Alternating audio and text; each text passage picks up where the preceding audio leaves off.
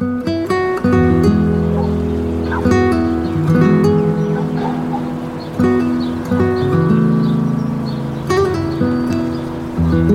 átlagos nap a Margit szigeten. A futópálya szélén egy férfi a cipőfűzőjét köti. Mellette egy nő éppen bemelegít. Egyszer csak egy fiatal gördeszkás srác suhanál mellettük, aki a lejtőt kihasználva szeretne eljutni a sziget közepére. Párok andalognak, anyák babakocsit tolnak, mások kutyát sétáltatnak. A forgatagban egy fiatal lány tűnik fel. Szapora léptekkel halad a híd felé.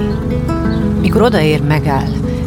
Egy pillanatra csak nézi a Dunát, a hullámokat, ahogy a híd lábához csapódnak, majd felpillant az égre. Ez nem történhet meg.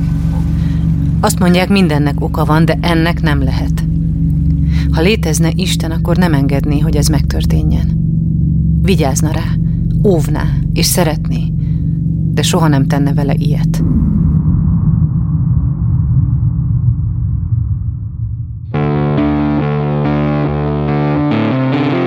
Lovas Rozi vagyok. Ez az Egyszer Lent.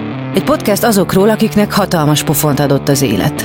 Megjárták a gödör mélyét, de sokkal erősebben másztak ki belőle. Minden élet tele van krízisekkel. Amikor éppen benne vagyunk, könnyen hihetjük azt, hogy ennél rosszabb már nem lehet. Aztán egyszer csak felgyullad a belső fény, megrázzuk magunkat, és megpróbáljuk kihozni az adott helyzetből a legjobbat. Ha azt gondolod, mindennek vége, jussanak eszedbe ezek a történetek. Mindig lehet jobb, ha te is akarod.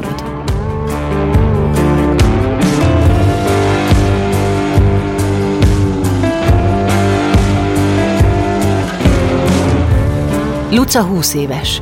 Nagyon jól mesél, tele van történetekkel. Érdeklik az emberek, a világ, amiben élünk, hogy mit miért csinálunk. Élettapasztalatához jó megfigyelő képesség társul. Igazi történetmesélő. Nyert slam poetry versenyt és könyve is jelent már meg. Gyakran publikált cikkeket olyan témákban, amiről fontos beszélni, ami szórakoztat vagy éppen másokon segít. Megküzdött a kamaszkor minden nehézségével, a bántó iskolai közeggel, leromló jegyekkel, belevetette magát az éjszakába, ahol gyakran bajba keveredett. Aztán felkarolt másokat, akik nála is nagyobb bajban voltak. A mai adásban Nyári Luca történetét ismerhetitek meg, akinek 13 évesen, egy addig csodálatos gyermekkor után egyik pillanatról a másikra kellett felnőnie és megküzdenie egy olyan tragédiával, amivel szinte lehetetlen. Életünk bármelyik szakaszában is járunk.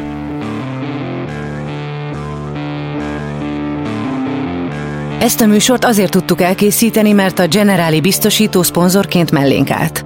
Hallgassátok meg, miért fontos nekik, ami nekünk is.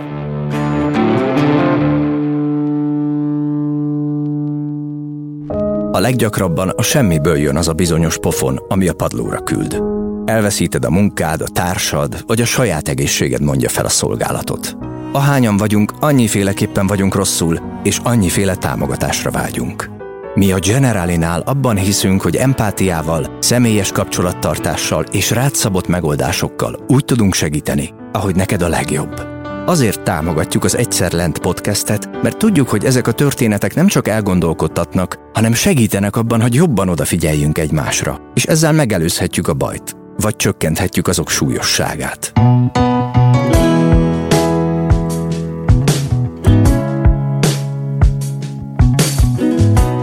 Luca szülei, Krisztián és Andrea még gimnazista korukban 16 évesen jöttek össze. Két lányuk, Luca és Liza gyerekkora csodásan telt. Bár szüleik sokat dolgoztak, a lányok soha nem unatkoztak. Szüleik baráti társaságában is sok hasonló korú gyerek volt, így egy olyan rendszert alakítottak ki, amiben a gyerekek együtt lehettek, amíg a szülők dolgoztak. Így a lányok kaptak egy második családot, és ezek a kapcsolatok máig tartanak. Krisztián és Andrea mindketten kommunikációs területen dolgoztak, de nem mindenben hasonlítottak ennyire. A családban betöltött szerepük teljesen különbözött egymástól. Dolgok nagy részét anyukám csinálta, már csak azért is, mert soha nem hagyott volna mást. Uh, ő volt az, aki mindig, ő jött értünk az iskolába, ő tartotta fejben az időpontokat, viszont apát küldte el szülőire, mert sokkal jobban szerették a tanárok. És ezeket a praktikus dolgokat mind intézte. Apukám az szerintem úgy ilyen hétvégi apuka volt, akkor is így, így jó fej, és nem szeretett fegyelmezni minket. Akkor mindig ő volt az, aki lát, akkor tejber is csinálunk, meg fennmaradunk így éjfél után. Viszont például apukám főzött, ami nagyon érdekes, mert mondjuk egyáltalán nem tudott főzni. Apukám viszont ilyen volt egy főzőműsora szinten, jól főz, úgyhogy ezt például mindig ő csinálta. Anyukám állandóan dolgozott, nagyon szeretett dolgozni, mindig akkor érezte magát a legjobban, hogyha így el volt foglalva, valószínűleg ezért is ő volt mindig az, aki így hurcibált minket idő, mert szerette azt, ha van dolga. Ő így akkor érezte magát csak rosszul, amikor úgy érezte, hogy nincs mit csinálnia. A szülők vonzódása a kultúra iránt hamar átragadt a lányokra is. A családban mindenki nagyon szeretett olvasni. Az évek során hatalmas otthoni könyvtáruk lett. Én mikor megszülettem, már szerintem több mint ezer könyvünk volt otthon. Tehát nekünk van egy fal a házunkban, ami csak egy könyves polc, de hogy így faltól falig egészen fel a plafonig. Apa most nagyon rá, hogy akar rá egy gurulós létrát, mert a szabadossági könyves baltjában látta, hogy van gurulós létre, és most erre így teljesen rá van állva. De szerintem nálam, nálam így egyszerűen egy volt, hogy egy olyan családba születtem, ahol, ahol mindenki olvasott, és nagyon tudták értékelni a könyveket, és ezért nekem is magától értetődő volt, hogy ezt fogom csinálni. Pedig akkor egyébként apukám még nem is írással foglalkozott, anyukám meg egyáltalán nem, csak mindketten nagyon olvasottak voltak. De örülök neki, hogy így alakult, mert így nekem van a legfaszább könyvtárom otthon, szerintem nekünk van a legtöbb könyvünk, kb. bárki közül, akit ismerek. Igen, látom, hogy volt most egy ilyen hasonló kampányban voltunk a apukáddal együtt, és akkor látom, hogy ő, hogy ő úgy kampányolt, hogy ha megszerez valamennyi támogatót, akkor rendet rak a könyvespolcán. Rendet is rakott egyébként. Én nem vettem benne részt, mert nem voltam itthon. Három napos meló volt a hugom, egy barátnőnk, aki ilyen nagyon szeret könyvtárazni átjött, és akkor ők hárman megcsinálták a, az egész könyvespolcot úgyhogy rend, rendet is rakott rajta. Csak ugye folyamatosan szerzünk újakat, és akkor így nem mindig tudjuk, hogy lehet őket elhelyezni, meg már kifutottunk a helyből, szóval kell még csinálni polcot, de ennyi baj legyen. Andrea, vagy ahogy mindenki ismerte, Zsöme, imádott dolgozni. Kommunikációs vezetőként, menedzserként és sajtófőnökként rengeteg emberrel volt kapcsolatban. Ezt a pesgést nagyon szerette. De ez nem ért véget soha. Amikor a család együtt ment el kikapcsolódni valahova, akkor is folyamatosan ismerősökbe akadtak általában, hogyha mi négyen mentünk valahova, akkor ő mindig vagy nagyon el volt foglalva, vagy öt perc után találkoztunk valakivel, aki ismeri. Nem lehetett vele öt lépést tenni anélkül, hogy valaki ne jönne oda hozzánk, és ezt mindig nagyon utáltuk gyerekkorunkban a hugommal, hogy így állunk a Buda gyöngyében, és így oda hozzánk két percenként valaki, és így nem tudunk hazamenni. De úgy utólag nagyon örülök neki, mert így viszont nagyon sok olyan emberrel találkozom már felnőttként, akik ismerték anyukámat. És ez mindig egy ilyen nagyon jó reveláció. Most például tök sok olyan barátom lett, akikről kiderült, hogy a szüleik ismerték, vagy akár ők is találkoztak anyukámmal, és akkor azért mindig egy ilyen jó érzés, hogy tudom, hogy olyan emberekkel vagyok, akiket ő is szeretne. Úgyhogy ez egy ilyen nagy bónusz. 2014 tavaszán véget ért a felhőtlen gyerekkor. Zsöme egy nap kivizsgáltatta teljesen hétköznapinak tűnő tüneteit. Nagyon sokat fájt a feje. Az orvosok kezdetben migrénre gyanakodtak, de az állapota egyre csak romlott nem tudtuk először, hogy mi baja van, ami viszont nagyon érdekes, hogy rákerestünk a tünetekre, és az első dolog, amit kiadott a WebMD, az az volt, hogy agydaganat, és olyan tudod, hogy elkezdett röhögni, hogy persze a picsába nyilván az lesz, és, és tényleg az volt. Úgyhogy ilyen nagyon szürális az egész, és valahogy amikor bementek a kórház, nekem valahogy az első perctől kezdve az volt az érzésem, hogy így ennek nem lesz jó vége. Pedig egyébként nem szoktak ilyen megérzéseim lenni, vagy ilyenek, de valahogy annak így az elejétől kezdve tudtam, hogy, hogy ennek, hogy nem tudom, hogy, hogy valahogy amint megtudtuk, hogy egyáltalán mi baja van, én valahogy azonnal éreztem, hogy nem fog meggyógyulni. Nyilván attól még így reménykedtünk benne, de nekem végig volt egy ilyen rossz érzésem, és amúgy nem szokott lenni. Andreánál agydaganatot diagnosztizáltak. Amikor az orvosok közölték a családdal a rossz hírt, első körben az okokat keresték. A túl sok stressz, vagy talán az, hogy egy ideig túl közel laktak egy rádiótoronyhoz, ez már sosem fog kiderülni. Andrea hat hónapig volt beteg. Ebből csak három hónapon keresztül reménykedtek, hogy meg fog gyógyulni. A legnehezebb, amit Lucának fel kellett dolgozni, hogy édesanyja nem mindenáron akart meggyógyulni. Zsöme mindig tudta, hogy ő nem fog úgy megöregedni, hogy kiszolgáltatott legyen másoknak. Megbénította a gondolat, hogy hiába győzi le a rákot, bármikor visszaeshet. Amikor a betegség megtámadta a beszéd központját is, és már írni, olvasni és beszélni is nehezen tudott, végleg összetört. A kommunikáció életének minden pillanatában jelen volt, és már nem volt képes rá. Eljött az a pont, amikor ki kellett mondania, hogy ha nem élhet teljes életet, csak a gyerekek miatt nem érdemes életben maradni. Ezt Luca hosszú éveken keresztül nem tudta elfogadni ezt így nagyon nehezen tudtam elengedni, de most már én is úgy vagyok vele, hogy valószínűleg én is ezt csinálnám egy ilyen ö, szituációban, de azért ott van benned az 13 évesen, hogy, hogy így ott hagytak engem, és dühös vagy rá, mert nagyon nehéz egy ilyen döntést megérteni. És, ö, és, és nem csak nekem, tehát azért többen vannak a családban, akik ezt így nehezen dolg, vagy hát nem csak a halálát, de ezt a tényt nehezen dolgozták fel, hogy miért nem hagyta, hogy segítsünk neki, mert nem szeretett volna így élni. Nyilvánvalóan szeretett volna meggyógyulni, de azt, azt, azt, azt nagyon érzem, hogy nem minden áron egyszerűen így nem érezte azt, hogy megéri tovább próbálkozni. Tehát lehet az utolsó pillanatig is, nem tudom én milyen akupunktúrára járni, hogy hát ha majd az, de ő így nem akarta ezt a hát ha majd azt megválni. Tehát onnantól, hogy elég biztosan azt mondták neki az orvosok, hogy vagy nem fog tudni meggyógyulni, vagy teljesen nem fog tudni meggyógyulni soha, a, azt már szerintem így nem szerette volna. Nekem valahogy ennyi beszélgetésem volt vele erről, amikor így mondta, hogy igen, ő már így nem szeretne így ezzel annyira tettet, hogy azt hiszem járt így kezelésekre, de hogy ilyen extra dolgokat nem, nem csinált, tehát hogy nem ment el ilyen kísérleti kezelésekre, nem, nem próbált meg így külön módszereket keresni így erre, és nem tudom, hogy ennyire emlékszem, hogy megkérdeztem tőle, hogy itt lesz-e még a szülnapomon, és azt mondta, hogy nem és vagy így ez az egyetlen dolog, amire emlékszem, hogy így azt gondoltam, hogy de ha legalább decemberig, de igazából az akkor már nem nagyon számított. És azon a ponton, amikor elhatározta, hogy, hogy most már több próbálkozás nem, nem, ér, nem éri meg, meg nem éri meg kutakodni a mindenféle ilyen gyógymódok felé, akkor történt rajta valami változás, vagy az életetekben egyébként, tehát, hogy ő, ő kiszállt valamiből? Ö, annyiból nem, úgy szerintem ez nagyjából össze egybe fort azzal az idővel, amikor elkezdett rosszabbul lenni, és szerintem, tehát, hogy nem tudom, így ez az a része a betegségének, ezek az utolsó pár hónap így a, a hospice házban volt, amit így úgy megtartottam magamnak, az az, ami így le van zárva az agyamban, amivel nem tudok mit kezdeni, de hogy amikor ő már ott volt, nem mindig volt olyan állapotban, hogy egyáltalán felfogja, hogy mi történik, szóval nem tudom, tehát hogy szerintem onnantól kezdve már annyira nem gondolkozott ezen, mert egyszerűen nem volt meg a lehetősége rá. Tehát, hogy ezért nagyon, nagyon hamar ö, rosszul, vagy hogy nagyon hamar épülnek le ezekben az emberek, tehát tényleg így, így meglepő. Meg nyilván ez egy ilyen nagyon ez, tehát ez a mai napig így az egyik legrosszabb élmény, vagy hát nyilván anyám halál úgy általában a legrosszabb élményem, de hogy, hogy az a konkrét pár hét a halála előtt az, hogy neked gyerekként végig kell nézned azt, hogy az az ember, akinek gondoskodnia kell rólad, hirtelen ő kerül egy ilyen gyerekszerepbe, és te vagy a felnőtt, és ez az egy, nem tudom, nekem szerintem az volt az ügyetben a legjobban traumatizált engem, hogy nem is emlékezhetek rá úgy, ahogyan szeretnék, vagy hát nem mindig, mert van egy olyan képem is róla, amit senkinek nem szabadna látni a szüleiről. Andrea 2014. november 29-én halt meg. 42 éves volt. Amikor Luca megtudta a hírt, felállt és elment otthonról. Nem szeretek így a családom előtt szomorigzni, nem szeretek így mások előtt rosszul lenni. Most már egy kicsit jobb kapcsolatom van ezzel, vagy hogy már így nem borulok ki ettől annyira, de hogy nekem az volt így az első reakció már, hogy így elmentem.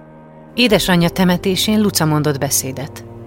És ez az élmény közel sem volt olyan megrázó, mint ami ennek gondolnánk kifejezetten jó volt ugyan a temetése, hogy nem volt egy ilyen szomorú esemény, így sokat nevettünk, meg egyszer nem tudom, úgy volt, hogy ő szerette volna, és azóta a hugommal előszeretettel dobálózunk azzal valami jó programon vagyunk, hogy na ennél anyám temetése is jobb volt, mert anyám temetése tényleg jobb volt egy csomó programnál, amire azóta elmentünk. Tehát ez az egy ilyen, nem tudom, az, az valahogy egy ilyen szép emlékbelként él bennem, mert így nem volt így olyan szomorú.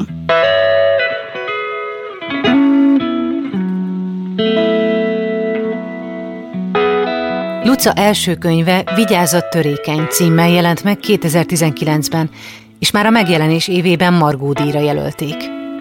A cselekmény sok mindenben összecseng a saját történetével. A könyv főszereplője, Zsófi is elveszíti az édesanyját. Neki is végig kell küzdenie magát a gyász folyamaton, és folyamatosan fogódzókat kell keresnie a nehéz napokon. De van néhány dolog, ami teljesen máshogy alakult a valóságban. Ez az egyik legnagyobb ilyen változás, amit csináltam, hogy a könyvemben van egy, az eleje egy ilyen temetésre kezdődik, de ott ilyen nagyon nyomasztó a temetés. Nagyon sok embertől kaptam azt a visszajelzést, hogy mivel van egy kisebb testvérem, apukám meg így olyan, amilyen, ezért nekem kellene annak lennem a családban, aki így egybe tartja és összeszedi magát, és nyilvánvalóan én 14 évesen gyászolva nem igazán voltam abban az állapotban, hogy ezt meg tudjam csinálni, és ez egy mai napig van egy ilyen gát bennem, hogy nagyon félek, nem tudom így azt mutatni embereknek, hogy így nem érzem jól magam, vagy nem bírom el azt, amit így rám pakolnak, mert hogy egyszerűen nem tudom, valahogy azt érzem, hogy nem tehetem meg, vagy hogy nem az, amit ez az, amit így elvárnak tőlem. De ez igazából ö, szerintem e, e, ez az problémám, ez, ez még csak nem is. Anyukám miatt lett ennyire durva, hanem utána volt egy elég rossz baráti társaságom, akik miatt a mai napig valahogy nem merek rosszul lenni emberek előtt, vagy hogy nem merem megmutatni nekik ezt az oldalamat, mert azt mondom, hogy akkor már nem lennék vicces, és akkor nem szeretnének, és most végre olyan barátaim vannak, akik folyamatosan emlékeztetnek rá engem, hogy nem érdekli őket az sem, hogyha éppen nem vagyok vicces, így is szeretnek engem, de ezt baromi nehéz megszoknom, meg így elfogadnom, hogy emberek azért nem szerettek volna velem barátkozni, mert amikor hirtelen beleestem egy ilyen depressziós időszakba, akkor már nem szórakoztattam őket, és ezért azóta is érzek egy ilyen nagy nyomást arra, hogy én mindig szórakoztató legyek. Hogy általában így magamtól jön szeretek embereket szórakoztatni, de, de vannak azért olyan időszakok, amikor nem csinálnám ezt magamtól. A temetés után egy hosszú gyász időszak következett, amelyre a lányok teljesen különbözően reagáltak. Az ekkor még csak 11 éves Liza nagyon ragaszkodott édesapjához, folyton vele akart lenni. Lucából pedig éppen az ellenkezőjét váltotta ki a helyzet. Folyamatosan távol volt, barátokkal lógott, bulizott, csak az számított, hogy ne kelljen otthon lenni és szembesülni édesanyja hiányával. Azt, hogy hogyan küzdött meg Luca a gyászsal és a depresszióval, hogyan építette magát újra, miután elfogadta, hogy a történtek egy életre vele maradnak, a szünet után mondom el.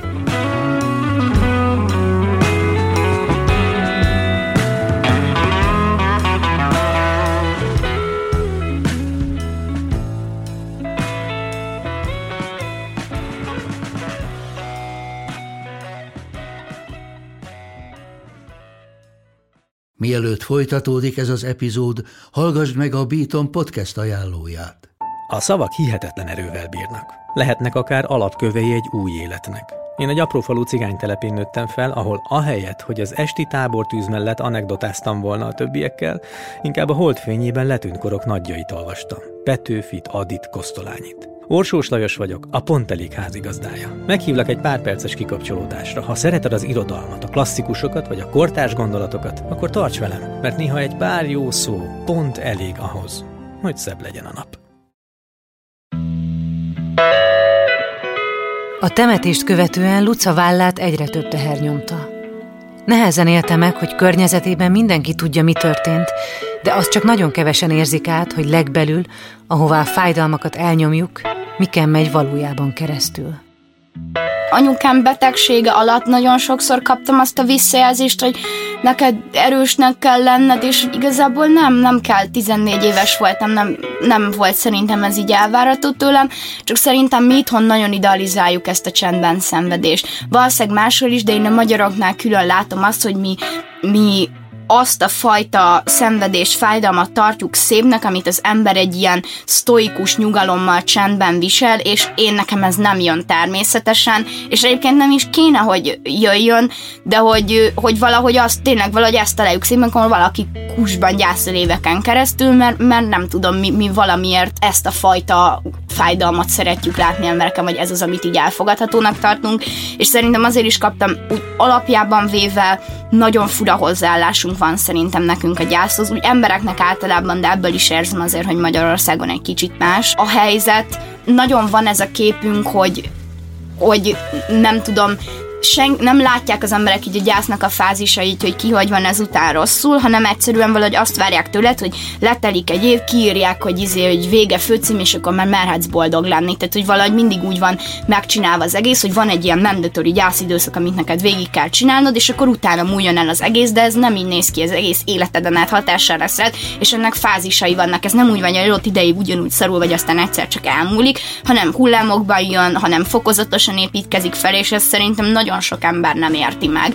Ezért is van az, hogy én most már egyébként annyira nem, mert szerintem így mindenkit, aki ezzel próbálkozott, elküldtem a fenébe, de hogy én még az iskolában is megkaptam annó egy fél évvel anyukám halála után, hogy de én ezen már igazán túl lehetnék. És hogy Ez valószínűleg soha nem leszek túl rajta, és nem is kell, hogy túl legyek rajta, megtanulok vele együtt élni, de nem lesz kevésbé rossz. Kitől kaptál ilyen mondatot? Én kaptam ilyet tanártól is, volt egy barátnőm, akivel emiatt nagyon összevesztem, mert egy ilyet mondott nekünk, de hogy alapjában véve én az iskolában ez egy része ez annak, hogy én miért lettem magántól. Nagyon szerettem a tanáraim nagy részét, sőt, a tanárom szerintem kb. minden tanáromat imádtam, a, az alkg jártam, és a, nagyon szerettem a tanárokat, nagyon szerettem hogy a lehetőséget, nagyon szerettem azt, hogy amikor elkezdtem írni, ők azonnal támogattak. Nem az volt, hogy az iskola félt, hogy ne legyen rossz híre, így beszél, mindent kiposztottak, amit csináltam. A könyvtárosok, a matek tanárom eljött a könyvbe, mutatom rá, tehát tényleg fantasztikus emberek dolgoznak ott. Nekem a közösség annyira nem volt jó. Valószínűleg azután látta az, hogy én elmentem, de embereknek, tehát mikor anyukám meghalt, kicsit rosszul lettek lekomolyak a dolgok, és az egész évfolyamnak bejelentették, hogy anyukám meghalt, úgyhogy a nagy részük nem is tudta, hogy beteg, és ezért emberek nyilván elkezdték azt figyelni, hogy én erre hogyan reagálok, és emiatt minden, amit, mindent, amit csináltam, azt így ennek a fényében néztek, és tényleg elég rossz voltam. Tehát én azt a részét elismerem, hogy egy 14 évesnek azt nézni, hogy egy másik 14 éves hirtelen teljesen kifordul magával és baromi szarul van, ez egy olyan dolog, amit nem tud kezelni. És azért én soha nem fogom hibáztatni egyik osztálytársamat sem, mert valószínűleg baromi ijesztő volt az nekik, hogy én eddig nem egy ilyen ember voltam, és most hirtelen egy ilyen ember vagyok, de nagyon sokszor megkaptam így azt, hogy én nem takarózhatok e mögé, vagy nem lehetek ezzel, és hogy ezt, ezt nem úgy kaptam meg, hogy három évvel anyám halál után, hanem fél évvel anyám halál után, ami azért nem hiszem, hogy egy ilyen proper gyász időszak lenne, így igazából, tehát hogy ezt, ezt így sokszor megkaptam emiatt, meg mivel én, én alapján nem ilyen unipoláris depressziós, engem azóta diagnosztizáltak bipoláris ami nagyon sok mindent megmagyaráz így az akkori viselkedésemben, ezért inkább az volt nekik a fura, hogy vagy nagyon be voltam pörögve, és, és én vagyok Isten, és mindent meg tudok csinálni, vagy így nem beszéltem senkivel három napon keresztül, mert annyira rosszul voltam. És így szerintem ők ezt nem tudták így hova tenni. Andreának volt egy notesze, amibe felírta a feladatokat. De az irányítása nélkül a család nagyon nehezen tudta tartani a ritmust. Luca iskolájába legalább két évig senki nem ment el a szülői értekezletre. Legtöbbször azért, mert nem is tudták, hogy mikor van. Volt, hogy végül nagybátyja ment el, mert Luca édesapja munkája mellett nem tudta fejben tartani a rengeteg teendőt. És otthon hogy borultak fel a, a dolgok? Tehát mondod, hogy anyukád vitte a racionális meg a pörgős kreatív részét az életeteknek, apukád meg inkább egy hétvégi szétszórt professzor úr. Igen, uh, ilyen fajta volt, de hogy ez nem egy ilyen negatív dolog, úgy, mert pont az, hogy ők ők együtt tökéletesen Te, működtek. Tehát, hogy, hogy egyszerűen abból a dinamikából soha nem szabadott volna kiesni a senkinek, mert annyira jók voltak így együtt. És ugye ők 16 éves koruk óta együtt voltak. Tehát, hogy, hogy ők így nem tudták egyáltalán nem is az, hogy gyereket nevelni, hogy kell egymás nélkül, de hogy így felnőttnek lenni, élni, funkcionálni, hogy kell egymás nélkül, mert mindig ott voltak egymásnak. Szóval nyilvánvalóan mindenkinek nehéz volt. Szerintem tényleg egy ilyen egyik napról a másikra önellátó voltam abból a szempontból, hogy addig nem vittek sehova, akkor mindenhol mert nyilván egy, egy keresős család lettünk, apukám addig is nagyon sokat dolgozott, csak így tudták pont váltani egymást, és akkor elkezdtem magamra főzni, tehát igazából ez, hogy elkezdtünk így magunkról gondoskodni a, a testvéremmel. Cserébe viszont mi vagyunk az egyetlen nem teljesen életképtelen 10-20 évesek, akiket ismerek, úgyhogy tök jó. Mondjuk én nem tudom használni a mosógépet. Azt soha nem tanultam meg, mert mindig a testvérem csinálja, és vele tervezek élni ezután, szóval úgy érzem, hogy nem kell megtanulnom. Ja, hát ez, ez nehéz volt benne, hogy az a szerep, amiben anyukám volt, ez teljesen kiesett, és nem volt így pótolható. És az, hogy apukámnak azóta van barátnője, nagyon szeretjük, nagyon jobban vagyunk vele, de hogy ő, és egyébként ez egy jó dolog, és ő úgy volt vele az erétől kezdve, hogy ő nekünk nem szeretne az anyukánk lenni, mert az, hogy, és hogy nem is volt rá szükségünk abból a szempontból, hogy nem az volt, hogy nem tudom, ő beköltözött, és akkor onnantól kezdve ezt csináljuk, amit ő, tehát hogy senki nem pótolt egy nem is szerettük volna, valószínűleg nem örültünk volna ö, neki, és hogy valószínűleg pont ezért is működött ilyen jól, mert így nem, vagy hogy így ut- utólag, meg hogy nem tudom mennyire be tudtuk fogadni mondjuk apukám barátnét, ez egyrészt azért, mert rohadt jó fej, de hogy másrészt pedig, mert így, mert egyáltalán nem próbálta átvenni ezt a szerepet. Luca egyre jobban utált bemenni az osztálytársai közé. Nagyon rosszul viselte a támadásokat. A hugáért is mindig neki kellett kiállnia, hogy megvédje a megjegyzésektől és bántalmaktól. Ez nem volt könnyű, amikor már a róla szóló plegykák kegyetlensége és a kirekesztés egyre nagyobb méreteket öltött. Mindenki elfordult tőle, akiket korábban barátainak hitt. Utólag megértette, miért reagáltak így. Mára már nincs benne harag. De akkor meg kellett hozni a döntést, hogy kilép abból a közegből és magántanuló lesz. A környezetének reakciójától tartva magába fordulva próbálta feldolgozni a gyászt, pedig másra lett volna szüksége.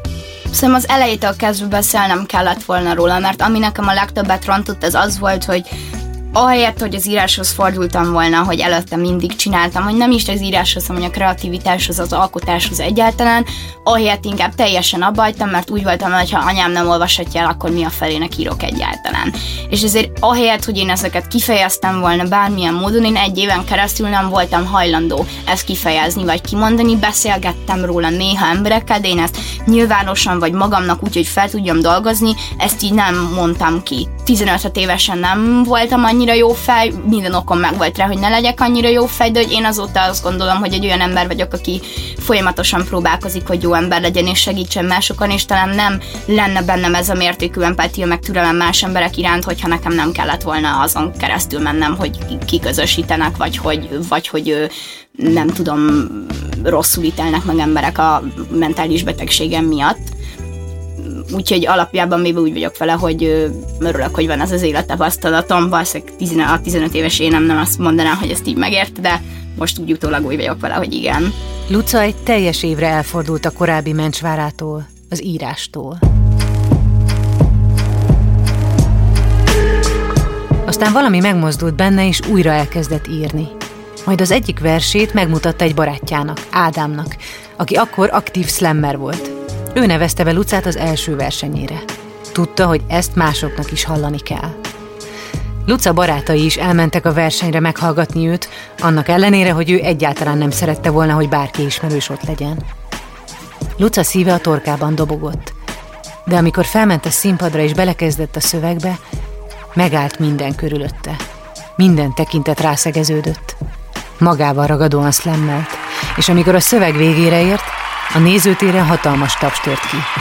Megnyerte a versenyt. Azonnal kapsz egy visszacsatolást, meg egyszerűen a közösség élmény ott, amikor én elkezdtem, nagyon jó volt ott a közösség. Tehát tök mindegy ki nyerte meg a versenyt, mindenki oda ment és üvölt, pölegetik és mindenki baromi büszke volt a másikra, és egyszerűen csak egy ilyen nagyon jó támogató környezet volt, amiben, amiben tudtam fejlődni, és ahol így biztonságban éreztem magam, és igazából így ez volt az, hogy nem csak meg volt a lehetőségem rá, hogy írjak, de ezt más emberek értékelték, segítették nekem, tehát tényleg az, hogy egy, egy olyan, olyan közösség van ott, ami nekem nagyon sokat jelent, tehát meg eleve csak itt tényleg az, hogy így mindenki együtt örül, hogy ott megy ez az ilyen pörgés, mindenki izgul, meg tényleg akárki felmelt, és annyira különböző emberek voltak így, így ott, és nem tudom, csak nagyon, az, az nagyon fantasztikus közeg volt nekem akkoriban. Az egyetlen dolog, amiben rájöttem, hogy annyira nem volt jó nekem, hogy én 15 évesen éltem az ilyen nagyon hiperszexualizált korszakomat, mert nem tudom, így korán fejlődtem, úgy néztem ki, mint egy felnőtt, és ezért nagyon azt a visszajelzést kaptam kívülről, hogy te nem úgy nézel ki, mint egy gyerek, úgyhogy nem is fogunk téged úgy kezelni. És utólag jöttem rá, hogy azért kényelmetlenül sok 20-30 éves csávon nyomult rám, úgyhogy én 15 voltam, és én ezt akkor nem gondoltam gáznak, mert én nagyon felnőttnek éreztem magam, de nem voltam az, és ez talán ez az egyetlen része, amire visszatekintek, hogy nem is így mondjuk a slamnerek, de tök sokan voltak, akik ennek a közönsége, akik ilyen, ilyen izé, szimacratros, csikisoros srácok, akik ilyen 15 éves lányokon klipeltek az ankerben, és most szerintem ugyanezt csinálják csak a Jurányiban. Uh, úgyhogy ez volt talán ez az egyetlen része, amire úgy nézek vissza, hogy uh, de az sem inkább a slam hibája volt, hanem ez az ilyen budapesti mm, értelmiségi fiatalság, ahol azért sajnos sok ilyen van szerintem. Kamaszkorukban Lucát és barátnőit többen is zaklatták. Luca hiába nézett ki úgy, mint egy felnőtt, az arcán és hangján jól látszott, milyen fiatal. Pont ezt tetszett benne bizonyos férfiaknak. Nem egyszer fordult elő, hogy hangosan szólongatták vagy fogdosták, és a barátait is tucatszor kellett kimentenie a bajból. Visszaemlékezve ezek teljesen más színezetet kapnak, mint ott akkor egy éjszaka közepén.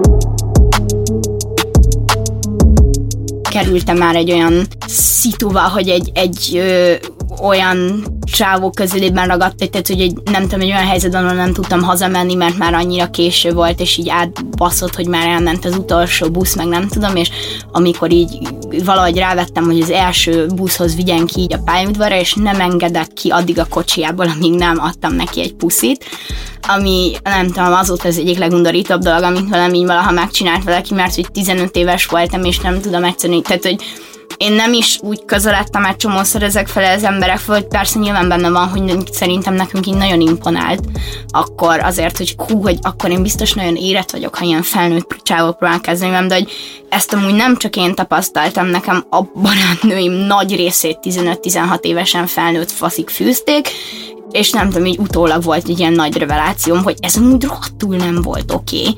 és hogy nem tudom, tehát azért volt pár szituáció, én még annyiból jobban megúztam, hogy sajnos nem egy barátnőmmel, akit megerőszakoltak, és pont emiatt van is azért így bennem, hogy én még csak így rendőrségre sem mennék, ha ilyen történne velem, mert volt már olyan, hogy rendőrségre kellett mennem tanúskodni más miatt is olyan mérhetetlen parasztságot, amit így ott tanúsítottak rendőrök, így még életemben nem láttam, és azóta így nagyon félek ezektől, és próbálom a környezetemben lévő fiatalabb lányokat is így felé terelni, hogy nem te vagy érettebb a korodnál azért, mert rád nyomul, hanem ő nem olyan érett, mint a saját korosztálya, hogy azokra a nőkre nyomuljon. De ja, hál' Istennek ezen már itt tudok meg engem nem értek ilyen nagyon-nagyon durva atrocitások, de szerintem ez egy baromi általános dolog, és így sokkal többet kellene beszélni erről, mert egyszerűen tényleg a, a 14-18 éves lányokat széjjel zaklatják, és nem azért, mert felnőttnek néznek hanem pont azért, mert nem. És amikor ilyen a közvetlen közeledben történik egy ilyen durva dolog, akkor azt, azt hogy dolgozzátok fel így együtt? Vagy ha, mi történt? Ha ott vagyok, én vagyok az, aki oda megy üvöltözni, mert hogy én ezeket nem tudom csendesen kezelni. Tehát volt olyan, hogy egy klubban meg rámarkolt egy barátnőm fenekére csávó, én pedig oda mentem, és a barátai előtt elkezdtem üvöltözni vele, amíg el nem mentek. Mert hogy így nem tudom, mert ha velem csinálják ezeket, még akkor is beszólok, de amikor másokat levások, más lányokat látok ilyen helyzetben, az még jobban feldűít így engem. Tehát ezért küldtem már el jó pár embert a, a fenébe, Úgyhogy ezt általában így szoktam. Ő a legjobban az igazából, ami szerintem nagyon fontos, ez a soha nem maradjatok egyedül. Tehát tényleg így ez a legfontosabb, szóval engem már drogoztak be a Gosduban így egy éve, az volt a szerencsé, hogy nem ittam előtte. Szóval tavaly télen volt ez szerintem, és hogy nem, vagy ha nem 2000, azt 2019, és hogy nem ittam előtte, és ezért azonnal levágtam, hogy az, hogy én most ennyire rosszul vagyok, az biztosan nem normális. De ha mondjuk ittam volna még két csatot, akkor szerintem full azt hiszem, hogy, hogy csak berúgtam, és, és akkor hívtam, hívtam a barátomat, meg hívtam egy taxit, és akkor haza tudtunk menni, és ami még ezt több, hogy mondta a taxis, hogy ja, ő egy hetente visz haza betegozott lányokat, mert hogy annyira olcsó ez a cucc, amit vesznek, hogy ilyen esti 10-15 csaj piájába beleszorják, és valamelyik akiknél csak működik. Sokat jártak a Gosduba karaokizni egy helyre, ami mellett volt egy játékterem. Egyszer átmentek oda játszani. Éppen léghokiztak, a korong élesen pattant vissza az asztal faláról, amikor egy nagy társaság elhaladt mellettük. Egyszer csak a csapatból az egyik srác behajolt az asztal fölé, és megfogta a korongot. Egy pillanatra mindenki ráfigyelt. Nem értették, miért csinálta. Csak később, amikor azon gondolkodtak, hogy mikor tehettek drogot Luca poharába.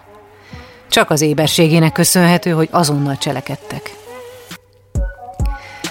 A sok bulizás mellett szinte alig maradt ideje az iskolára, ami nem is érdekelte igazán. Anyukám halál utáni két évben borzasztóak voltak a jegyeim. Azt hiszem, így irodalomból voltam mindig ötös, mert azt nagyon szerettem, meg angolból, mert abban így jó vagyok, és minden másból így a kettes szélén táncoltam, mert egyszerűen nem érdekelt, és nem mentem be az óráimra, és tök sokat lógtam. Ami most így utólag kicsit szívás, mert akkor még annyira, hogy abba voltam, hogy én nem gondoltam, hogy én így őszintén nem hittem, hogy én élni fogok 20 éves koromra, tehát nem volt bennem az, hogy én nekem ez majd így befolyásolni fogja a jövőmet, és most jutottam el idején egyetemi jelentkezésekkel, hogy hát azt lehet csinálhattam volna jobban, de közben meg annyira jók lettek az érettségim, meg annyi mindent csináltam közben, hogy reméljük, hogy ez elég. Vagy hát tavaly nagyon jó helyekre vettek föl London, vagy hát Angliában, csak nem fejeztem az érettségimet, és nem mentem el, mert kicsit rájöttem, hogy nekem még itt van a helyen, meg még nem tudom pontosan, hogy mit akarok csinálni, mert kicsit oda baszotta a Covid az összes tervemnek abból a szempontból, hogy Angliába már nem lehet menni, mert megváltoztatták a tandíjat, itthon meg az SZF-re akartam menni, de szerintem engem ebben a mostani politikai helyzetben szerintem egy Google keresés is fel se vennének oda. De azért megpróbálom, csak kicsit félek, hogy szerintem most már ebben a rendszerben így esélytelen egyáltalán próbálkoznom. Soha jelentkeznél? Filmírás szakra jelentkeztem ott, jelentkeztem az eltére meg a Metureiton, és volt egy másik ilyen nagyon vicces, hogy decemberben egyszer csak rám jött, hogy én többet akarok kihozni az életemből, és jelentkeztem a Harvardra, Yale-re és a Princetonra, és a Princeton-tól kaptam interjút, ez most volt egy hete, ami egy jó jel, mert nagyon kevés ember kap Európában, mert nincs annyi interjú voltatójuk.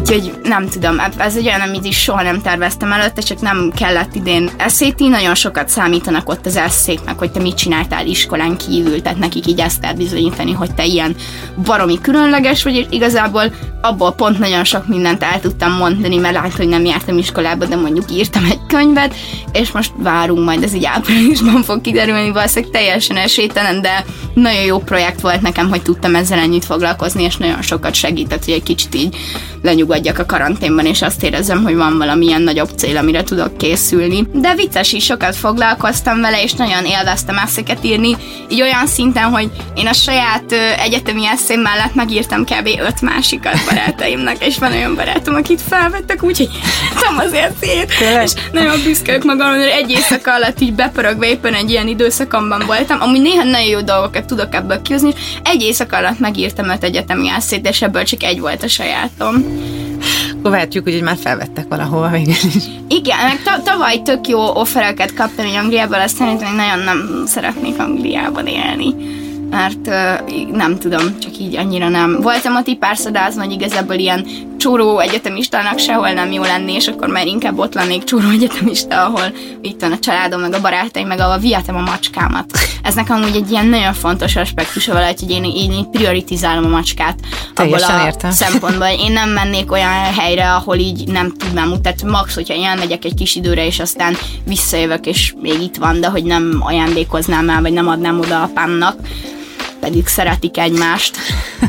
De Amerika az más, mindenféle macska szempontból is, hát mint Anglia? az az, ami úgy voltam, hogy nekem ez, ez is egy ilyen teszt, hogy nekem az összes barátom külföldre ment kb, mert nagyon okos emberekkel barátkoztam, és iszonyat sokat dolgoztak azért, hogy őket felvegyék nagyon jó sulikba külföldön, és ezért én mindig egy kicsit ezt éreztem, hogy nekem is ezt kell, de mivel én nagyon itthon dolgoztam, és imádom a magyar nyelvet, a magyar embereket, a magyar kultúrát, én ebben a közegben szeretnék dolgozni hosszú távon, azt tudom.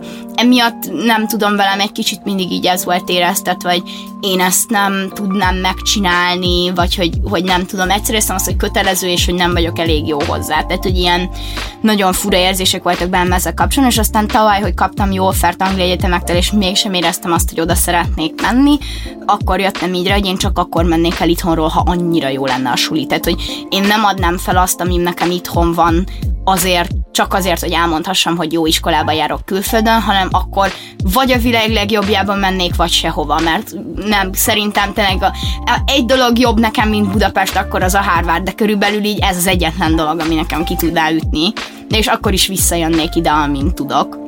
Lucának hosszú utat kellett megtennie ahhoz, hogy eljusson ide. A középiskolai évek alatt nem lebegett cél a szeme előtt, amibe kapaszkodhatott volna. Önpusztításaival nem azt akarta elérni, hogy meghalljon, de gyakran került olyan helyzetbe, aminek akár végzetes következményei is lehettek volna. Nagyon-nagyon sokszor hoztam magamat direkt olyan helyzetben, amiben akár bele is halhattam volna. Tehát nem az volt, hogy én most akkor nem tudom, hazamegyek és felakasztom magam, hanem hogy felmászom erre a hídra részegen, nézzük meg, mi történik, mert valahogy azt hiszem az volt a fejemben inkább, hogy inkább lennék egy idióta, aki részegen leesett egy hídra, mint hogy a családomnak együtt kelljen élni azzal a gondolattal, hogy én nem akartam élni és aztán amikor ez egyébként teljesen értem, hogy ez miért volt ijesztő így az akkori barátásom szemére, tehát hogy azért úgy nem hibáztatom őket, hogy nekem akkor már tényleg így professzionális segítségre volt szükségem, csak így nem akartam oda elmenni, pedig amúgy soha nem volt bajom a pszichológusokkal, vagy nem gondoltam azt, hogy így nem segít, inkább csak annyira tényleg ez a, ez a csendes, sztoikus gyászolkép, hogy azt gondolom, hogy azok az igazán fasz emberek, akik ezt maguktól oldják meg, csak miért kéne ezt magadtól megoldanod és így ott volt egy olyan pont, hogy nagyon összevesztem a baráti társaságommal teljesen, tehát hogy még azt a maradék embert is, aki volt az életemben, azt teljesen elvesztettem, és utána volt egy ilyen egy hét, amikor, amikor konkrétan minden nap azon voltam, hogy történjen velem valami szörnyűség, és akkor egyszer csak volt ez a szerencsém, hogy valami így átkapcsolt a fejemben, hogy én nem élni nem akarok, hanem így nem akarok élni, és vannak emberek, akiknek ez így, nekem tök nagy szerencsém volt, vannak így soha nem tud ebbe így eljutni, de nem tudom, valahogy egyszerűen akkor már annyira rosszul volt, ami tényleg az volt így a legalja, hogy valami megfogalmazódott bennem az, hogy jó, ha én nem szeretnék meghalni, mert pedig nem vagyok biztos benne, hogy ezt szeretném, csak nem akarok létezni, de hogy ebben a formában nem, nem egyáltalán nem és felmentem foglalt orvosra, és kerestem magamnak egy pszichológust, és másnap elmentem.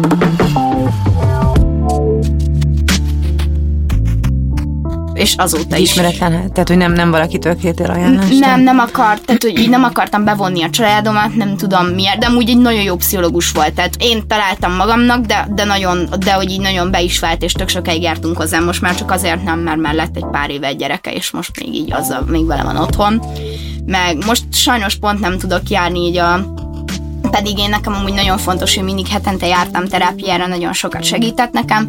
Most sajnos arra se tudok járni a vírus miatt, mert csak online lehet tartani, viszont ott meg így nem ugyanaz, nem merem így elengedni magam, tök sokan vagyunk egyszerre a házban, tehát hogy csak így egyszerűen nem érzem azt, hogy így megadja azt, amire nekem szükségem lenne de reméljük, hogy ez hamarosan megváltozik, és megint el tudok menni, mert azért így tök jó lenne már. Én is így vagyok egyébként, hogy ez az online találkozó, ez, ez én is így félsz, hogy így hallják, olyan idiótán érzed magad, így megáll közben a Skype, meg hát meg nem tudsz a szemébe nézni rendesen annak, meg aki... csak nem. beszélgetni tudtok. Tehát ilyenek, hogy hipnoterápia, csuk beszél, meg gondolok, hogy nincsen. Csak azt tudod, hogy panaszkodsz valakinek egy képernyőn keresztül, de azt a barátnőmnek is tudom csinálni, tehát hogy nincs erre szükségem.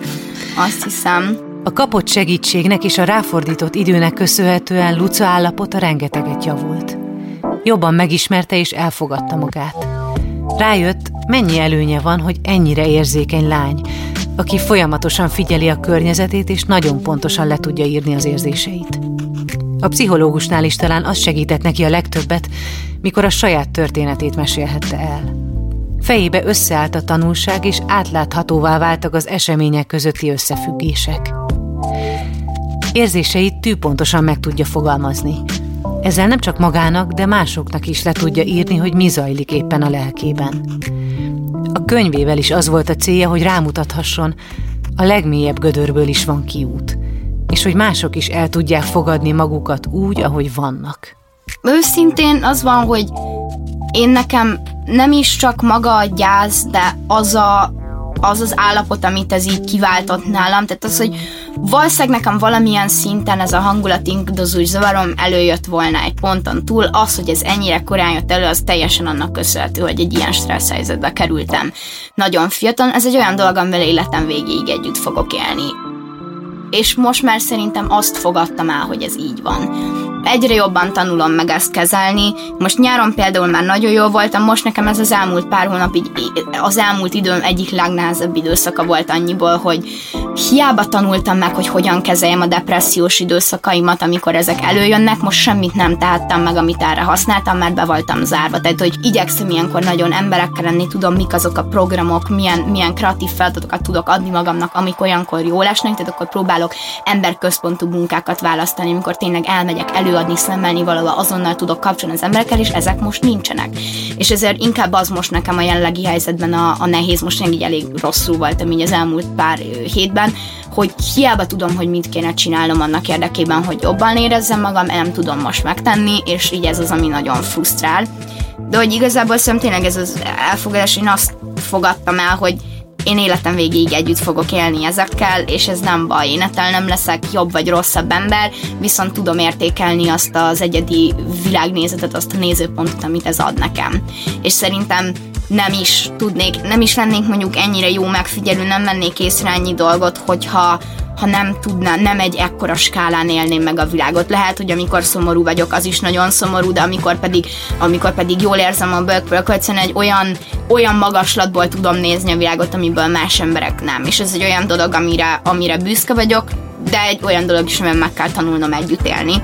És szerintem én abban most így nagyon jól el vagyok, hogy már ez nekem egyáltalán nem egy stigma, nem érzem magamat rosszul miatt, sőt, büszke vagyok arra, hogy én ezt kezelem arra a munkára, amit beletettem abba, hogy én ezzel együtt tudjak élni. Ö, úgyhogy szerintem ebből a szempontból most egy nagyon jó helyen lennék rá, kirek, ha nem lenne a korona. Tehát, hogy most tényleg ez az egyetlen nézi az életemben, hogy hiába szedtem össze ezt a tudást, és lettem, lettem jobb ember, és lettem, tudtam jobban kezelni a, a, az állapotomat, most nincs rá lehetőségem, és ez a nehéz így benne, hogy tudom, hogy amúgy tök jó helyzetben lennék az életemben, ha ez nem lenne de majd ez is elmúlik, és remélem, hogy most megint lesz egy ilyen tök jó nyaram így ezután. Luca tele van tervekkel.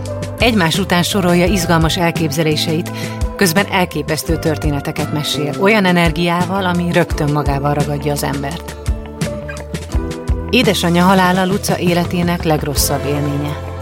De nem zárta el, vagy törölte ki. Együtt él vele. Közös emlékeiket a mai napig boldogan őrzi. És ha olyan emberrel találkozik, aki ismerte az édesanyját, akkor hálás azért, hogy általa talán még jobban megismerheti őt. Rettenetesen kreatív volt, így nagyon szeretett így mindent így kézzel csinálni, ő volt az, aki, aki így az összes ilyen iskolai tanárunknak minden ballagás, ilyen gyönyörű kézzel készített játékot csinálta, egyszer valami anyuka azt javasolta neki, hogy adjanak egy avon csomagot a tanárnőknek, jó lesz, és mondta, hogy ő nem, ő ennél jobbat tud, és akkor hát ha tudsz jobbat, csinálj jobbat. Anyám szervezett egy fotózást az iskolába, hozott egy csomó jelmezt, és csinált egy kártyajátékot a tanároknak úgy, hogy rajta voltak így a diákok így beöltözve. És így ilyeneket összeszervezett csak azért, mert valaki beszólt neki, úgyhogy le, lenyűgöző, ezt, ezt szeretném tovább vinni, azt hiszem.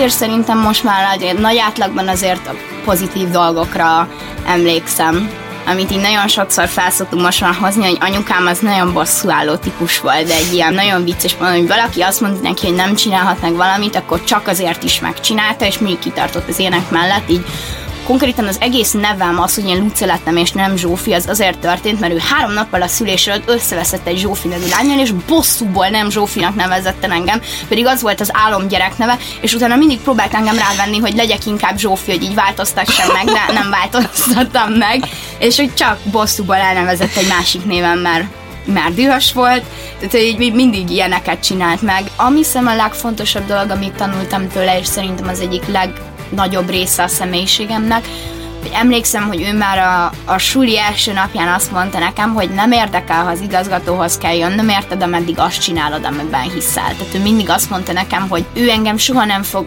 megbüntetni azért akkor is, hogyha szar következményei vannak, ameddig én kiállok másokért, és kiállok azért, amiben hiszek.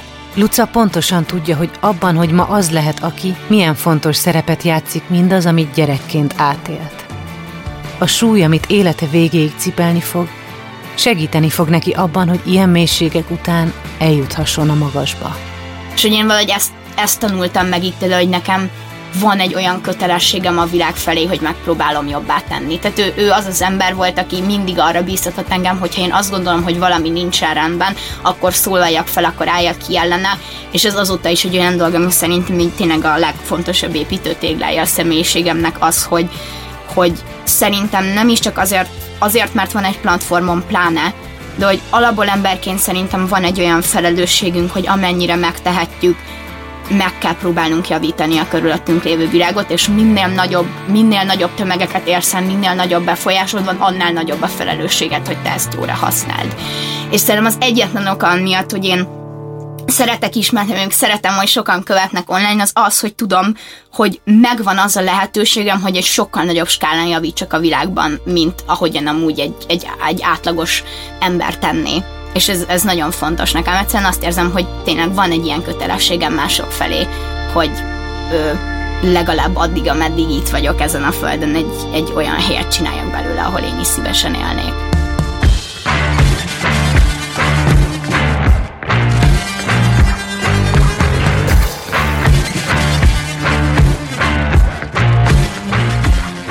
Az Egyszerlen Podcast második évadának hetedik epizódját hallhattátok. Azért indítottuk el ezt a műsort, hogy megmutassuk, minden veremből van kiút. Amikor a legalján vagyunk, lehet, hogy nem látszik, de tehetünk azért, hogy megtaláljuk. Ameddig készül a következő epizód, hallgass meg a korábbi részeket. Az epizód szerkesztője Mihály Kövisára, szövegíró Horváth János Antal, a gyártásvezető Gröger a zenei és utómunka szerkesztő Szűcs Dániel, a kreatív producer Román Balázs, a producer pedig Hampuk Richard volt. Lovas Rozit hallottátok. Két hét múlva hallhatjátok idei évadunk utolsó epizódját. Tartsatok velünk akkor is!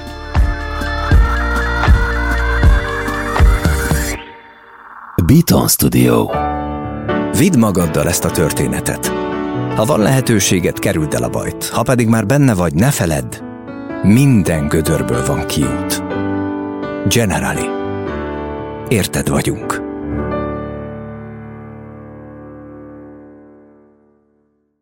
Ez egy Béton podcast.